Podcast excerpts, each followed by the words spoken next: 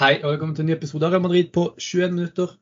Real Madrid tar nok en seier eh, i årets sesong. Fortsatt ikke eh, gått på et eneste poengtap. Og denne gangen var det nok den eh, tøffeste testen de har fått så langt denne sesongen, med Red Bull Leipzig på Santiago Bernabeu. Med to seire på to kamper i Champions League-gruppespillet betyr jo at Real Madrid er på strak kurs allerede nå mot sluttspillet. Med meg til å prate om matchen har jeg Martin. Hallo. Hola! Ja, nå, denne seiersrekken fortsetter jo bare. Eh, og det er jo litt sånn samme trenden vi har sett tidligere med et Real Madrid-lag som eh, sliter litt i begynnelsen av matchen, men som, som, til slutt da tar over og fullstendig eh, river motstanderen i fillebiter i de siste minuttene. Jeg skal stille det samme spørsmålet igjen. Hvor, hvor, hvor bekymra var du på, på, altså, typ mot slutten av første omgang av denne, denne, matchen, hvor Leipzig hadde egentlig spilt en veldig god omgang, skapt mange sjanser, gode kombinasjoner mellom en Konko og Werner eh, og Forsberg. Hva, hva følte du? Eh, følte du at dette kunne være der den der seiersrekka røyk, da? Jeg, jeg, jeg, følte meg ganske trygg på at Real Madrid ikke skulle tape. Men jeg tok meg selv i å tenke at ja ja, et uavgjort her er ingen krise. Det gjorde jeg. Eh, jeg var ikke like trygg på seier som jeg f.eks. var til pause i bortekampen mot Celtic. Og Mye av grunnen til det var fordi man ikke hadde noen Benzema på topp. og Det hadde man ikke mot Celtic heller, men da, eh, det var et litt annet kampklima. Så ja, jeg var ikke overbevist om at det her kommer til å ordne seg. Men jeg, hadde, jeg var liksom heller ikke veldig bekymra for at fy fader, nå har de vært så dårlige at her taper de garantert sesongens første kamp. Det var jeg på ingen måte. Så litt sånn blanda, men uh, det er jo som du sier, Kristian. Det, det, er litt samme medisin som det har vært hele sesongen. Med at man ikke imponerer, men man gjør jo akkurat nok og bitte litt til, og det er til syvende og sist mer enn godt nok. Mm. Og dette er jo en kamp hvor um, jeg tror at det var et bevisst valg uh, fra Angelotti å ikke dominere denne kampen fra, helt fra start. Uh, og Det har mye å gjøre med måten Leipzig spiller fotball på. De er et fantastisk kontringslag, og de har i tillegg nettopp fått en ny trener som har gitt de, de var veldig veldig gode mot Dortmund uh, i helga. Uh, og generelt kan få et litt sånn ny trener-boost, da. Uh, og i, i, tillegg er et av de beste kontraktlagene i Europa. Så jeg tror Charlotte tenkte litt på det, var bevisst på det. Og var først og fremst opptatt av at Real Madrid ikke skulle bli tatt ut på kontring, og at han rett og slett la laget dypere i banen. Eh, og det funka til en viss grad. Real Madrid ble fortsatt kontra. Eh, Konko og Werner og, de raske spillerne på topp der skapte fortsatt masse sjanser. Men det minner meg litt om den situasjonen med Sjaktar i fjor, hvor eh, alle forventa at Real Madrid skulle ut og dominere kampen. Og så kom Sjaktar til å presse når de kunne, eh, og kontre. Det som skjedde var at Real Madrid la seg ned og tok kontringene sjøl. Og fullstendig rev Sjaktar i fillebiter og vant 5-0. Uh, eh, og jeg føler litt, Dette er litt sånn samme, samme, tendensene her. Litt sånn samme situasjonen hvor man forventer at Real Madrid skal ut på hjemmebane og dominere med masse ball i laget. Uh, bryte ned motstand og skape masse sjanser. Uh, men at det nesten er en litt sånn naiv tilnærming til en kamp. og at Angelotti rett og slett bare bestemmer seg for at her skal vi være smarte, eh, og ikke nødvendigvis skulle dominere hele kampen. Så hva tenker du om det? Eh, det er jo Pragmatisme er jo nødvendigvis ikke en dum ting i fotball, tenker jeg da. Eh, men hva tenker du om det? Er det sånn at uansett hvem motstander er, så skal Real Madrid ut og dominere på, når det er Champions League-kamp på Santiago Bernabeu? I utgangspunktet så er svaret på det spørsmålet ja for min del. Altså Real Madrid er verdens største klubb.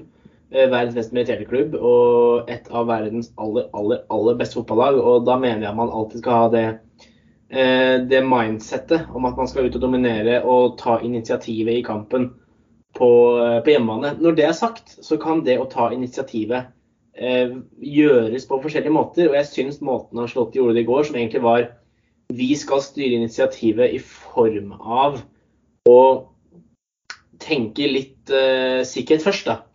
Uh, og liksom, og da, man jo, har jo sett uh, pro, pro, på før og er klar over at og når omgangen bikker mot slutten, og da motstanderlaget blir litt sånn OK, nå, nå nærmer vi oss poeng her, nå må vi sikre det poenget. De tar ikke kontringene sine. Real Madrid får etablert det der trykket på trykket på trykket på trykk. Så pleier det ofte å løse seg, som det gjorde i går. Så jeg er helt enig at det var en, det var en smart løst kamp av Real Madrid, og jeg skjønner jo tankegangen veldig godt når du møter et angrep bestående av Timo Werner, Nkunku og Sobolzai, som har en fantastisk skudd- og pasningsfot. Nkunku var jo tilnærmet toppskårer i Bundesliga i fjor. Bak, var vel, han var foran Haaland, men bak Lewandowski. Og Timo Werner, som har kommet tilbake til Leipzig, der han var fantastisk god. Så skjønner jeg veldig godt at man er eh, litt eh, obs på det, og at man, jeg tror nok egentlig inngangen til Ancelotti var litt sånn Får vi et uavgjort her, så er det ingen krise. Det som vil være krise, er om man taper. Eh, for det å tape nær av nok en eh, åpningskamp og skuffe skikkelig på nok en åpningskamp i Champions League på hjemmebane, det ville vært en stor nedtur. Ja, for det har jo blitt en trend, har det ikke det? Det har blitt en stor trend. Eh, forrige gang Real Madrid vant sin første hjemmekamp i Champions League, er faktisk fire år siden høsten 2018. Da slo man Roma 3-0. Siden den gang, så i fjor tapte man mot Sheriff. Året før det tapte man mot Sjaktar Donetsk. Og i 2019 så klarte man å, så vidt å berge uavgjort hjemme mot klubb Brygge. Etter at Brygge da hadde ledet 2-0 eh, til pause i Kautokeino. Så det hadde blitt en liten greie for dem å skuffe hjemme, liksom, hjemme i premieren i Champions League. Så jeg tror det handler veldig mye om å liksom, ja, litt safety first og ikke ta noen unødvendige risikoer. Mm. Og han hadde nok også eh, stor tiltro til at eh, enkeltspillerne i laget eh, kunne løse det. sant? Altså Venezia Junior kunne finne på et eller annet eh, som kunne gi en avgjørende scoring. Uh, Luka Modric, Federico Valverde, som også var det som skjedde. Så jeg tror jo altså jeg syns ikke vi skal overdrive det heller. Det var ikke sånn at uh, Angelotti la seg ned og håpte på uavgjort. Men at han hadde en litt mer pragmatisk tilnærming til denne kampen enn han har tidligere denne sesongen. Og at han stoler på kvaliteten til enkeltspillerne i angrep. Eh, det syns jeg er en sånn rimelig konklusjon eh, hvis man ser på Ancelotti sin kampplan. Helt enig. Tenker jeg. Eh, men selv om planen var å ikke bli kontra, så skjedde det jo ganske ofte.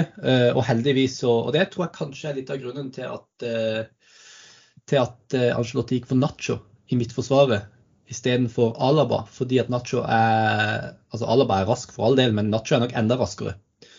Eh, raskt til beins, litt mer sånn aggressiv stopper. Eh, og også Rydiger, da, som er kjempe, kjemperask. Eh, men til og med da så Nacho og Rydiger spilte begge to en fantastisk kamp. Avverga ekstremt mye med fart, med det å være litt frampå, tett i ryggen på, på Timo Werner bl.a. Uh, og egentlig hadde ganske mange viktige defensive inngripener. Men Leipzig fikk sine, fikk sine sjanser allikevel. Og da er det godt å ha Tibor Courtois bak der. Og dette er vel første kamp denne sesongen hvor vi egentlig Altså, vi har jo sett sånn én eller to redninger her og der i en kamp uh, fra han, men dette er vel første, første kampen denne sesongen hvor vi virkelig har sett uh, Courtois bli testa på en ordentlig måte. Og det var vel ingen tvil om at han kom til å bestå den testen, men uh, det er litt gøy å se han gjøre disse spinnville redningene igjen, da, er det ikke? Jo, øh, han viser jo egentlig bare at altså Det er veldig fort gjort av keepere når de står kamper der de ikke blir utsatt for mange prøver. Blir litt sånn, kall det smårustne, og når de da først får skudd på seg, så er det sånn Oi, den, den gikk liksom inn. Men Courtois viser jo ingen tegn til at det er tilfellet. Og eh, han var verdens beste keeper forrige sesong, og fortsetter egentlig bare den sinnssyke formen inn i denne sesongen her. Jeg leste en statistikk etter kampen i går at Courtois har fått, av de siste 25 skuddene Courtois har fått på seg i Champions League, altså de siste 25 skuddene de har mottatt som har gått på mål, har 24 blitt reddet. Så vet ikke jeg hva som er vanlig, hva som er prosenten til vanlig, hva som er, ja, hva som er normalt. men for meg høres det helt hinsides ut. Ja, ja, det høres helt spinnvilt ut. Og du kan jo tenke deg at eh, var det ti av de, eller elleve av de eller noe sånt der var i, i Champions League-finalen i fjor. Mm. Uh, så det er jo helt, helt sprø tall. og Han er jo verdens beste keeper. Det er på en måte ikke noe tvil om det lenger. og Eh, vi har prata masse om det før, men folk var overraska da han hadde den prestasjonen i Paris eh, i mai. Men eh, det var det egentlig ingen Real Madrid-sportere som var. For vi har sett han spille hele sesongen. Vi vet hva han er kapabel til. det er, det er, en rar følelse å sitte med og tenke at OK, nå er Kristoffer Nkunku alene med keeper. Men jeg tror faktisk ikke at han skårer. Det er en veldig rar følelse å sitte med. Og eh, for oss som har hatt eh, Keilo Navas i mål i, i, mange år, som for så vidt, altså misforstår meg rett, en fantastisk sånn linjekeeper. Fantastisk på strek. Eh, så hadde han svakheter, det er det ingen tvil om. Eh, og det å ha Courtois bak der og ha en, en sånn matchvinner, det er en uh, vanvittig god følelse. Det må jeg. Det er det, og det er sånn, Vi snakker om Keiro Navas her, det er litt gøy, fordi uh, Courtois kom jo egentlig inn og dytta ut Navas, Uh, og var ikke god i sin første si, halvannen sesong. Men uh, det har vi snakket litt om før, at Keiro Navas han som linjekeeper og pga. høyden hans, så hadde han en redning der det blir sittende sånn her Å, herregud! Wow! Mens veldig mye av det Courtois gjør, det ser så enkelt ut. Mm. Altså Bare den tryggheten på defensiv dødball, der han går ut og plukker og plukker og plukker. og plukker. Eh, der kunne det fort vært en heading og skulle vært en feberredning av Keiro Navas, men da sitter du jo med hjertet i halsen nesten kontinuerlig. Så ja. det er ikke for å snakke ned Navas, men eh, det Courtois driver med, er en måte Det er jo nesten en annen idrett sammenlignet med veldig mange andre keepere. Og det, man må jo nevne i hvor vanvittig grad han har forbedra seg med ballen i beina. Ja. Det var noe jeg var veldig stressa for da han kom, og med rette. Det så man jo flere ganger i første sesongen og for så vidt noen andre. Og han skulle spille seg bakfra, og det ble brudd på brudd på brudd. Men nå Jeg skal ikke si at han er på helt linje med Ederson og Alison, men eh, det, det, er ganske rimelig, ganske utrolig den forvandlingen han har hatt på det feltet der siden han kom. Ja, definitivt. Han har blitt, eh, blitt ekstremt mye bedre med ball i beina, det er det ingen tvil om. Uh, ja. Skal vi gå litt videre til de, de litt gøyere tingene. For nå har vi jo prata om litt de, de litt sånn smarte, smarte, lure tingene Real Madrid gjorde i denne kampen for å, for å unngå å bli kontra på. Eh, men det var jo mange gøye ting som skjedde i denne kampen også. Eh, og vi kan jo starte med den gøyeste av de alle, og det er jo Valverde eh, som skårer nok en gang. Eh, Angelotti sa på pressekonferansen etterpå om ikke jeg hadde blitt lurt, så hørte jeg dette her eh, etterpå. Du får, du får, jeg vet ikke om du har sett pressekonferansen, sjøl, så du får rette på meg hvis ikke. Men mm. at Charlotte sa at hvis ikke han eh, hvis ikke Valverde skårer ti mål denne sesongen, så må han eh, levere inn trenerlisensen sitt eller et eller annet sånt. Eh, og Valverde står jo altså da, skårer jo sitt tredje mål for sesongen. Eh, og virkelig altså, Vi ser han jo som en litt annen spiller nå, føler jeg, enn vi har sett tidligere. For det er ingen tvil om at Valverde har vært en fantastisk spiller for Real Madrid nå i, i, flere sesonger, men det er på en måte ikke den avgjørende pasninga eller, eller, det å være sist Altså det å avslutte et angrep, for den saks skyld, som liksom har vært hans styrke. Hans styrke har vært å jobbe hardt og utrettelig gjennom kampen, men nå driver han og, og, og legger til litt sånn målpoeng og avgjørende øyeblikk til det spillet sitt også. Og da er det jo Altså, og når han begynner å plassere langskudd i krysset med venstrebeinet og sånn der, da er det jo nesten Altså det er jo en av de største midtbanetalentene i verden Real Madrid har nå, i Valverde. Og han blir bare bedre og bedre og bedre for hver eneste match som går. Og ja, som sagt, hvis han legger til dette sluttproduktet til spillet sitt også, så er han en helt fantastisk spiller. Og det er jo vanskelig å ikke elske Valverde når man ser den lidenskapen han viser i det han skårer. Det er, det er en av de gøyeste feiringene jeg har sett. De aller fleste spillere som hadde avgjort et sånt øyeblikk, hadde løpt ned til hjørneflagget, tatt en eller annen eh, dans. Venicius er jo glad i å danse. Eh, en eller annen innøvd feiring. Men for Valverde så var det bare få ut all den energien. Og bare juble og feire med lagkameratene sine. Det var fantastisk å se. Har du Kan du bare ta et lite øyeblikk og bare hylle Valverde litt? For det har jeg veldig lyst til å høre på. Ja, nei eh, Hva skal jeg si for noe? Jeg, jeg husker Fredrik Alveire spilte på Real Madrid Castilla. Og da spilte han veldig mye 4-2-3-informasjon, der han ble brukt som en av to sittende midtbanespillere. Da kom han ikke helt til sin rett. Han viste prov på det, det drivet med ballen og den skuddfoten han har nå. Eh, men ikke på samme måte. Og Så hadde han utlån til Deportivo la Coronia, hvor han falt egentlig helt igjennom. Han så ikke ut som han tok nivået. Og så var det vel den 18-19-sesongen der han litt overraskende ble værende i troppen, og da fikk litt sånn tidlig gjennombrudd til Santiago Solari, eh, før Zendin Zidane tok det et steg videre. Så er det som du sier, at han har, liksom, han har alltid vist prov på å være god, alltid vært liksom veldig lovende og han leverer sjelden terningkast eh, to, men det har vært veldig sjelden en femmer også. Han har ligget veldig på tre og fire.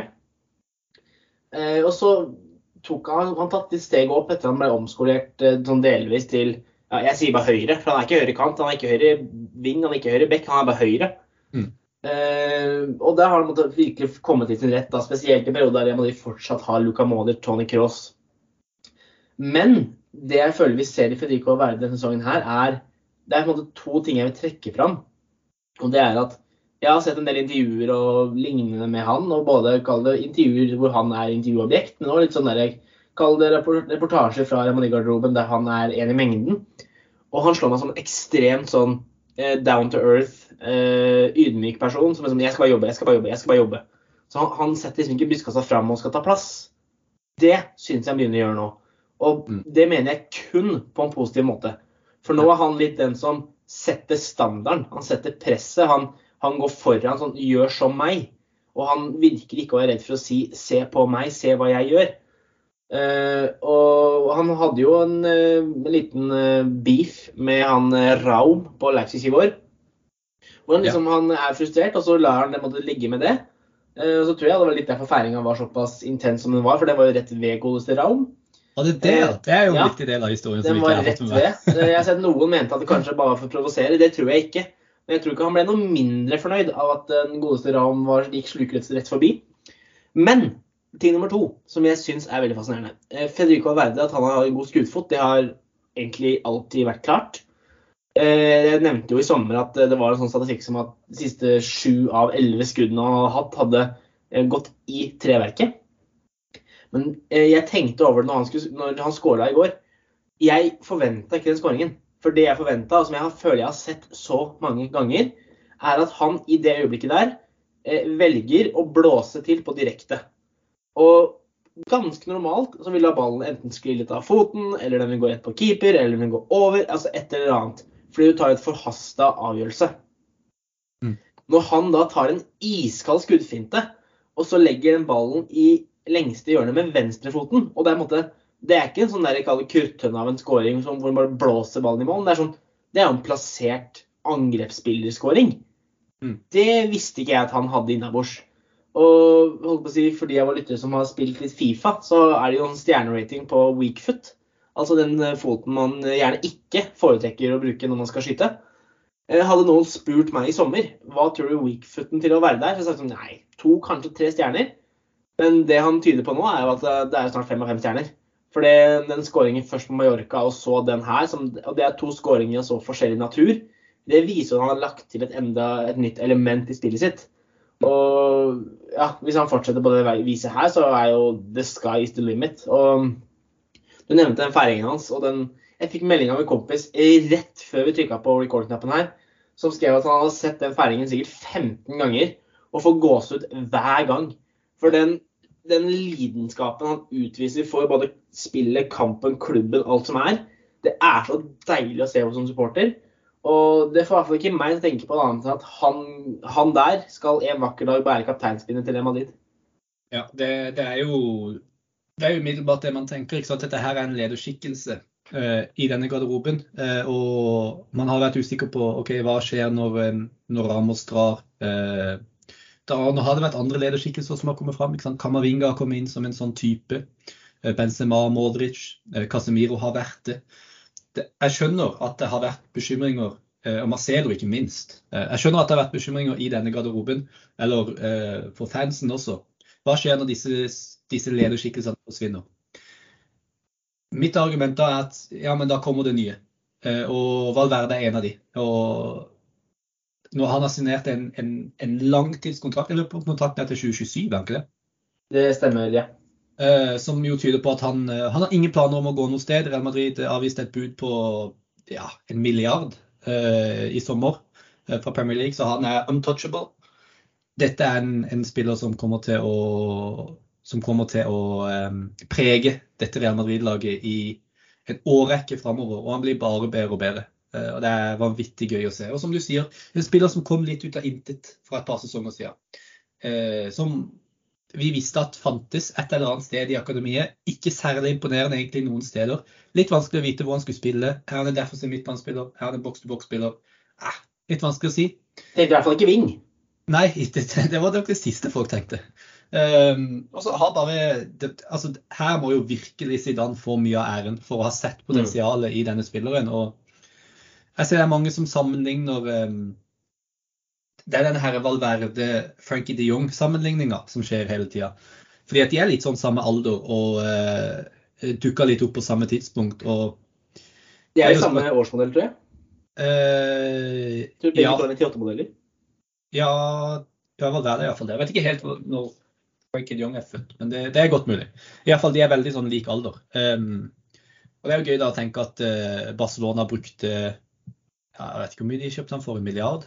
Rundt det? Ja, jeg mener det var rundt uh, pluss-minus 75 millioner euro. Ok, uh, Ikke så. Fortsatt sykt mye penger for en spiller som de nå prøver å bli kvitt. som de har gitt altfor høye lønninger til, og som skaper litt sånn uro i, innad i Barcelona og Real Madrid da, som brukte 5 millioner euro på Federico Valverde og har fått en spiller som nå har vært avgjørende i en Champions League-finale, fortsetter å vokse i denne Real Madrid-drakta og virkelig kommer til å bli en stjernespiller i dette laget. Utvilsomt. Det er jo egentlig bare en videreføring og et, godt eksempel på hvordan Real Madrid sin nye metode for å holde seg i verdenstoppen eh, har utvikla seg. Eh, hadde det her vært for 20 år siden, så hadde Fredrico Valverde slått gjennom i Lazio. Og så hadde Real Madrid betalt på den tiden 30 millioner euro for å hente han derifra. Eh, så det er litt fascinerende. Og jeg syns det var gøy at du nevnte si Zidane, fordi jeg husker ekstremt godt. Eh, det er jo El Derby til helga. For tre år siden, etter at Federico Verde hadde hatt én full sesong i Real Madrids A-lag, så husker jeg at det var El Derby Madeleño på One Metropolitano, som det da het, eh, i 1920-sesongen. Og så kom startelveren. Jeg var sånn Hæ?! Federico var Valverde fra start i en sånn kamp! Jeg skjønte ingenting. Eh, og når kampen var ferdig, så satt jeg der bare og tenkte hva slags spiller er det de egentlig har her? For jeg følte jeg hadde sett mye av Verde opp til da, men han bare tok opp hansken i den kampen. Og så har han, han har, han har vært litt inn og ut og hatt litt småskader og sånn. Men eh, man kan vel på en måte si at han har ikke sett seg tilbake siden da. Nei, det, det må være lov å si. Og jeg skjønner veldig godt at eh, Valverde er en, en, av de første navnene som går ned i en startelver i dette Real Madrid-laget. og det, har jo, det må sies at det har litt med fleksibiliteten sin å gjøre også. At han kan spille høyrekanten, han kan også spille som en av de tre på midten. Han kan til og med spille anker. Uh, og Det gjør jo at det er veldig lett å bruke han. Uh, men det er ikke den eneste grunnen til at han spiller så mye. Det er fordi han er vanvittig god. Uh, og du vet hva du får med Valverde. Du får, som du sier, det er ikke alltid han er avgjørende, sånn som han, er, sånn som han har vært nå de siste kampene. Men du vet hva du får. Du får en spiller som gir alt. Som kan spurte fra den ene enden av banen til den andre på noen få sekunder. Uh, selv om du er fem minutter på overtid. Det er, ja, det er en helt vanvittig spiller Real Madrid har her. og Det er jo gøy å se. Du litt her, du pratet litt om denne her overgangsmodellen. Hente spillere unge og utvikle de sjøl. Uh, ikke nødvendigvis hente så unge spillere, men sånn spillere i 16-17-årsalderen også prøve å utvikle de sjøl. Og det er jo en interessant måte å gjøre det på, som er litt annerledes enn de har gjort tidligere. Uh, og Hvis du ser på en angrepsrekke Real Madrid sitter med i går, så var det Venicius Junior, Rodrigo og Valverde, som alle tre er spillere uh, som har fulgt den modellen. Alle tre er spillere som har spilt på Real Madrid Castilla. Mm. Og det er jo det er gøy å se. Ja, det er blitt brukt mye penger på de. Altså ikke Valverde, da, men Rodrigo og Venicius. Selv om Eh, de anser de som spillere som har eh, på en måte blitt videreutvikla i Real Madrid og blitt verdensstjerner i Real Madrid, så brukte de jo fortsatt eh, ja, 40 millioner euro på Venicius mm. og, og, Rodrigo. Så det er jo mye penger, men allikevel gøy å se at det fungerer. og ja, det er rett og slett bare gøy å se tidligere Real Madrid Castilla-spillere dominere i Europa på, på førstelaget til Real Madrid. Absolutt. Og så eh, kan man nevne, apropos Castilla-spillere, jeg er, som jeg har gitt uttrykk for før, ekstremt svak for Nacho. Han eh, utpekte, utpekte, seg ikke som veldig i går, men jeg må bare få fram at jeg syns det er utrolig vakkert å se mm. han være kaptein når Real Madrid skal spille hjemmekamp i Champions League. Ja, definitivt. Det, det er gøy å se. Ja, eh, vi er egentlig litt over tida. Men jeg, jeg, tenker det går fint i dag, for vi må faktisk prate om den siste skåringa også. For den er jo interessant av flere årsaker.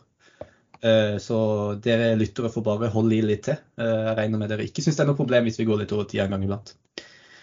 Marco Sensio, som var frustrert da han ikke ble bytta inn mot Mallorca. Det er, jo hans, det er jo der han er fra. Han følte nok en litt sånn Kanskje han hadde jeg vet ikke, familie på tribunen. Det var nok en litt viktigere kamp for han enn det vi kanskje tenkte sånn umiddelbart da vi så hvor frustrert han ble. sant?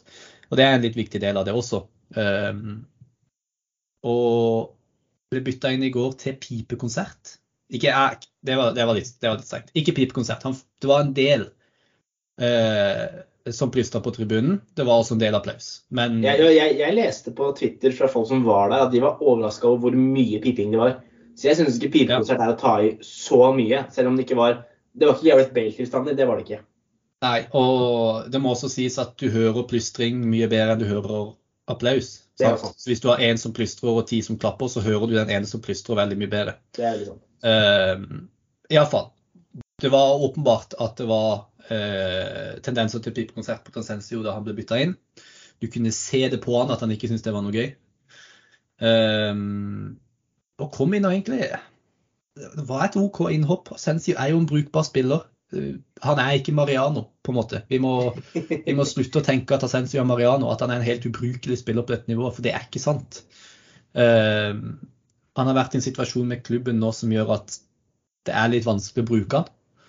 Uh, dessverre. Men uh, han har jo en, en takling i egen 16-meter der, som jo starter en, en kontring som fort kunne endt med skåring. Kjempesjanse til Venicius, og som Asensio til slutt avslutter sjøl med en sånn ja, litt dårlig lobb over keeper. Litt rart forsøk. Får en fantastisk skåring. Typisk Asensio-skåring. Eh, jeg lurer på om det, var, det må jo ha vært en innøvd variant der. Ja. Kors på, på frisparket. Asensio med fantastisk skudd via stolpen og inn. Og ja, vi har prata mye om Asensio, at han ikke bidrar med nok i de store kampene, og det er det ikke noe tvil om. Men det er lite som er mer estetisk vakkert enn å, enn å se Asensio skyte et langskudd uh, i krysset eller i stanga eller hva enn.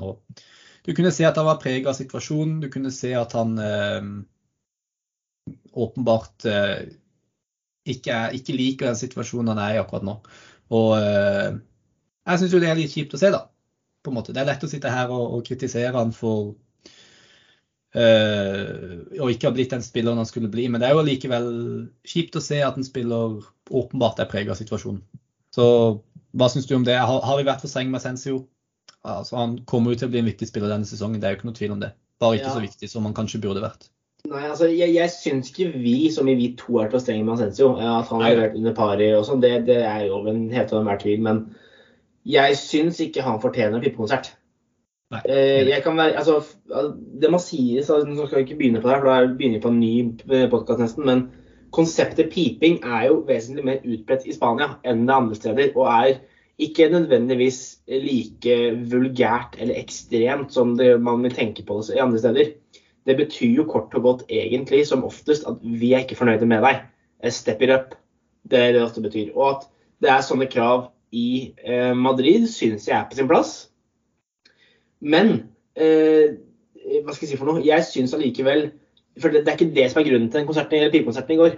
Eh, for da skulle det vært forrige sesong også, men det var det ikke. Eh, og at han blir pepet på av, for å si det veldig enkelt, av den grunn at han ikke er fornøyd med spilletiden sin og har vurdert og sjekket ut mulighetene for å bytte klubb, eh, og ikke funnet noe som er eh, interessant og attraktivt nok, og valgt å bli, samtidig som han har trent for fullt og ikke hatt noe imot det, og at han uttrykker skuffelse over ikke spille, det syns jeg er på sin plass.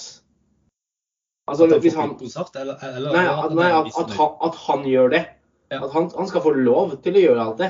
Mm. Og jeg ser ikke på at det er noe som det blir pipes på av.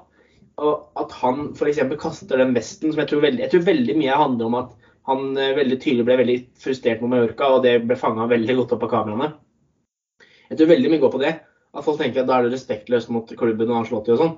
Men altså, han gjør det. Det syns jeg er et sunnhetstegn. Han skal ha lyst til å spille. Han skal bli sur av å vrakes. Han skal ikke tenke at ah, ja, men, ja, greit, det er fint, det. Det er ikke sånn det skal være. Eh, Så at han pipes på av den grunn, det syns jeg er dumt. Eh, Jeg syns ikke han har fortjent det. Eh, og så så jeg jo, det er som du sier, ja, han likte ikke det. Og det var litt sånn Jeg tror han tenkte sånn Nå skal jeg faen meg vise dere. For det er lenge siden jeg har sett Ascencio jobbe så langt ned i egen boks Ja. som han gjorde i går. Ja. Eh, så fikk han ikke til så ekstremt mye på banen, og det var noe litt eh, tilfeldigheter som gjorde at han fikk den skåringen. Men jeg så jo når han skåra, og han hadde nok veldig lyst til å bare ha et sånn stone face og sånn der Ja, det var det jeg sa. Hold kjeft, liksom. Men eh, så kom jo feiringen, og jeg så blant annet Nacho var borte og holdt på å si kosa litt med han. Og da kom jo det gliset. Og da kom liksom den litt mer, kall det kjærlighetsfulle reaksjonen til publikum også. Mm. Eh, så, og så så jeg jo noen som påpekte på Twitter, og det syns jeg er et veldig godt poeng. Og det var sånn derre Carl Angelotti. Han har en evne til å få alle fornøyde. Og det, nå, det er ikke han som slår pasninga, det er ikke han som planlegger alt som skjer på den banen, men det er, liksom, det er veldig Carl Angelotti-esk at han setter inn en spiller han spiller han for en halvtime, han er veldig misfornøyd, og at alt ender med jeg håper kyss, klapp, klem, og at han får en scoring. Det minner veldig om et Carlo Ancelotti-lag når det kommer til liksom, stemninga. Mm. Så øh, jeg håper at man kan bygge litt på det her. Jeg sier ikke at Asensio skal starte mot Atletico Madrid, men at han kan f.eks. få starte uh, i en seriekamp snart, eller i noen Champions mot Sjakta Donetsk, som er neste. Det håper jeg. Og at han måtte få en, en fair sjanse. Enig. Vi får kanskje ta en egen sånn Ascensio-pod en, en dag for å diskutere hele den situasjonen. For det er jo en litt spesiell situasjon. Ehm, men eh, akkurat nå så virker det som at det er, det er løst sånn på kort sikt iallfall. Ja. Og det er jo godt å se. Ja, nå er vi langt over tida. Jeg tror det er over en halvtime nå. Eh, bare én ting jeg vil nevne før vi avslutter, Kristian. Ja. Jeg, jeg antar, jeg i hvert fall har merket det, at eh, folk eh, har bitt seg merke i at eh, gressmatta på Santiago Bernabeu ikke ser bra ut. Nei, det stemmer. Jeg skrev jo selv at jeg aldri sett en gressmatte så dårlig som den ser ut nå. Mm. Uh, og det er en grunn til det. Så for folk som ikke jeg leser Marka hver dag, så skal jeg bare viderebringe litt informasjon derifra. Og hovedgrunnen er at den gressmatta den eh, er noe Real Madrid importerer fra Extremadura i Spania. Og når det her da ble gjort, så var temperaturene vesentlig høyere enn det de er vant til og det man planlegger ut ifra. Så det gresset Real Madrid fikk tilsendt, var rett og slett brent. Eh, og når gresset er brent og fibre og ditten datten har dødd inni gresset, så tar det vesentlig lengre tid fra den gressmatta kan kalle bite seg fast og gro skikkelig inn i Santiago Bernabeu-jorda. Mm. Så det er det som er grunnen. Og eh, flere, jeg så Thibaut Courtois klagde på det etter kampen i går òg. Og nå har Madrid ca. to ukers pause før de eh, ha hjemmekamp igjen i starten av oktober. Og man regner med at de to ukene kommer til å være gull verdt for at gressmatta får grodd ordentlig. Og da skal det meste av problemet være løst. Definitivt. Eh, Det er veldig tydelig at den gressmatta ikke har vært eh, på den standarden det skal være. eh, Og det har vært litt, litt kjipt å se, men ja, nå er det noen uker til neste gang, og da, da burde det være i orden til det. Litt mer, natur, litt mer vanlige temperaturer også. Det har jo vært ekstremt varmt også i Madrid. Helt fram til nå hvor det har vært et litt sånn, litt sånn værskifte, da. Naturligvis. Men ja, det, det var det vi hadde tid til i dag. Det ble en veldig lang episode da, men det er jo bare greit. Eh, Det er gøy å prate litt fotball, så det går kanskje fint. Neste match er Atletico Madrid på søndag. Uff, det blir gøy. Eh, Et Atletico Madrid-lag som tapte mot Bayer Leverkusen. Det var jo ikke Det var jo tre, tre lag fra Spania som møtte tyske lag denne uka i Champions League. Det var bare ett lag som vant. Det var selvfølgelig Real Madrid. Eh, Men ja, det blir gøy å se. El Derby. Kanskje Real Madrids eh, Det blir jo da Real Madrids største test så langt eh, denne sesongen. Borte mot Atletico Madrid. Takk for at du var med i dag, Martin. Nok en gang en sann glede. Takk til alle dere som hørte på. Og til neste gang, à la Madrid.